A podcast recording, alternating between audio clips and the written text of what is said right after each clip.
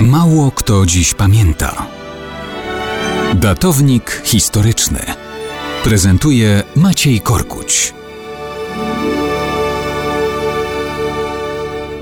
Mało kto dziś pamięta, że 9 marca 1890 roku urodził się patron paktów i koktajli Wiaczesław Michajłowicz Skriabin. Koktajl Skriabina? Nikt nie słyszał o czymś takim, ale cała Ukraina dzisiaj, jak długa i szeroka, produkuje koktajle Mołotowa. Całkiem skutecznie ich używa. Co ma Skriabin do Mołotowa? Otóż to jedna i ta sama osoba. Tyle, że najpierw Wiaczesław Skriabin działał jako bolszewicki działacz i agitator pod własnym nazwiskiem, a w 1914 roku postanowił wzorem innych działaczy uprzemysłowić, względnie sproletaryzować swoje nazwisko.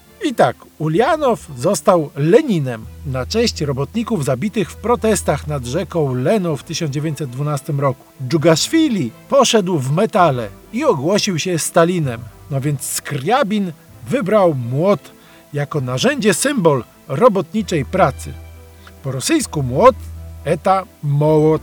I tak narodził się w wieku lat 24 Wiaczesław Mołotow.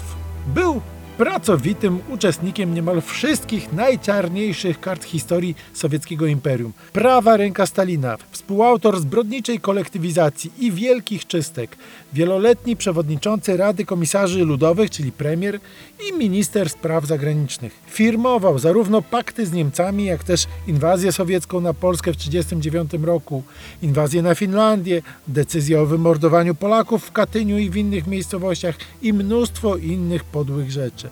Żył niemal 100 lat, do setki zabrakło mu czterech, ale nie wiedział, że naprawdę unieśmiertelnione zostanie jego przybrane nazwisko w nieodłącznej parze z Ribbentropem i w roli twórcy koktajli. O co chodziło z tymi koktajlami? Otóż to Mołotow po ataku Niemiec na Związek Sowiecki podpisał jako zastępca przewodniczącego Komitetu Obrony rozporządzenie o produkcji butelek z zapalającą cieczą do zwalczania opancerzonych pojazdów wroga. I w najczarniejszych snach nie podejrzewał, że będą takie koktajle służyć do walki z moskiewskim imperializmem.